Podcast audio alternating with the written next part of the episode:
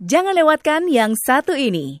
Info film dari VOA Washington bersama Arif Budiman.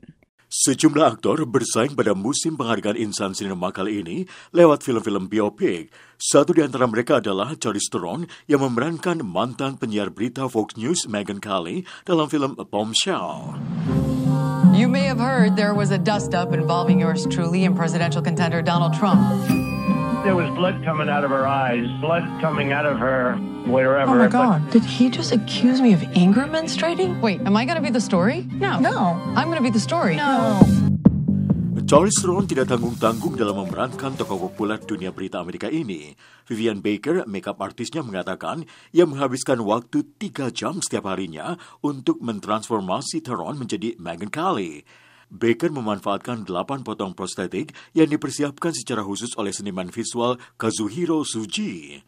Suji terkenal di Hollywood. Ialah yang merancang transformasi Gary Oldman menjadi Winston Churchill untuk film A Darkest Hour dan Joseph Gordon-Levitt dalam Looper.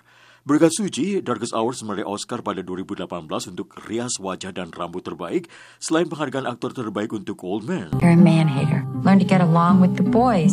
You're sexy, but you're too much work. I have a whole list. Will other women come forward? Selain prostetik, Theron diubah menjadi Megyn Kelly dengan bantuan kosmetik. Baker mengatakan banyak tantangan teknis dalam membaurkan kosmetik dan prostetik ke fitur-fitur wajah Theron. Baker juga harus menggunakan bulu mata palsu dan lensa kontak untuk mengubah bentuk matanya sehingga mirip penyiar berita TV itu. Tidak hanya itu, ia pun harus mengubah suaranya sehingga mirip suara Kelly. Dalam pengakuannya ke jaringan televisi NBC, ia mengatakan, Yeah, a very specific way of speaking. I have a husky voice tonight because I'm a little under the weather, but it was definitely quite a register to try and get. And she also has a very particular cadence. And I don't know if you've noticed this about her, but she can speak really fast. Selain Theron, John Lithgow juga memanfaatkan prostetik untuk membuat penampilannya mirip CEO Fox News Roger Ailes yang mengundurkan diri pada 2016 dari posisinya setelah sejumlah perempuan mengajukan gugatan pelecehan seksual terhadap dirinya. Film itu sendiri menyorot pengalaman yang dihadapi Kali, penyiar Gretchen Carlson yang diperankan Nicole Kidman, dan tokoh fiksi bernama Kayla Pospisil yang dimainkan Margot Robbie sewaktu skandal Fox News mencuat. I want to convince you that I belong on air, Mr. Ailes. I think I'd be freaking phenomenal on your network. I could pluck you out and move you to the front of the line. But I need to know that you're loyal.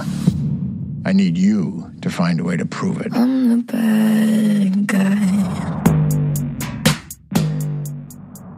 Charlize Theron sudah terbiasa mentransformasi dirinya untuk film. Ia membotaki kepalanya untuk film Mad Max Fury Road dan menjadi perempuan berpenampilan jorok dan mengerikan untuk film Monster yang membuahkannya Oscar sebagai aktris terbaik pada 2004. Selain Theron, ada sejumlah aktor lain yang mentransformasi diri mereka untuk film-film biopik atau semi-biopik yang bersaing pada musim penghargaan kali ini, seperti Ronald Zellweger sebagai Judy Garland, Tom Hanks sebagai Mr. Rogers, dan Taron Egerton sebagai Elton John. Arif Budiman, VA Washington. Ready to go to war?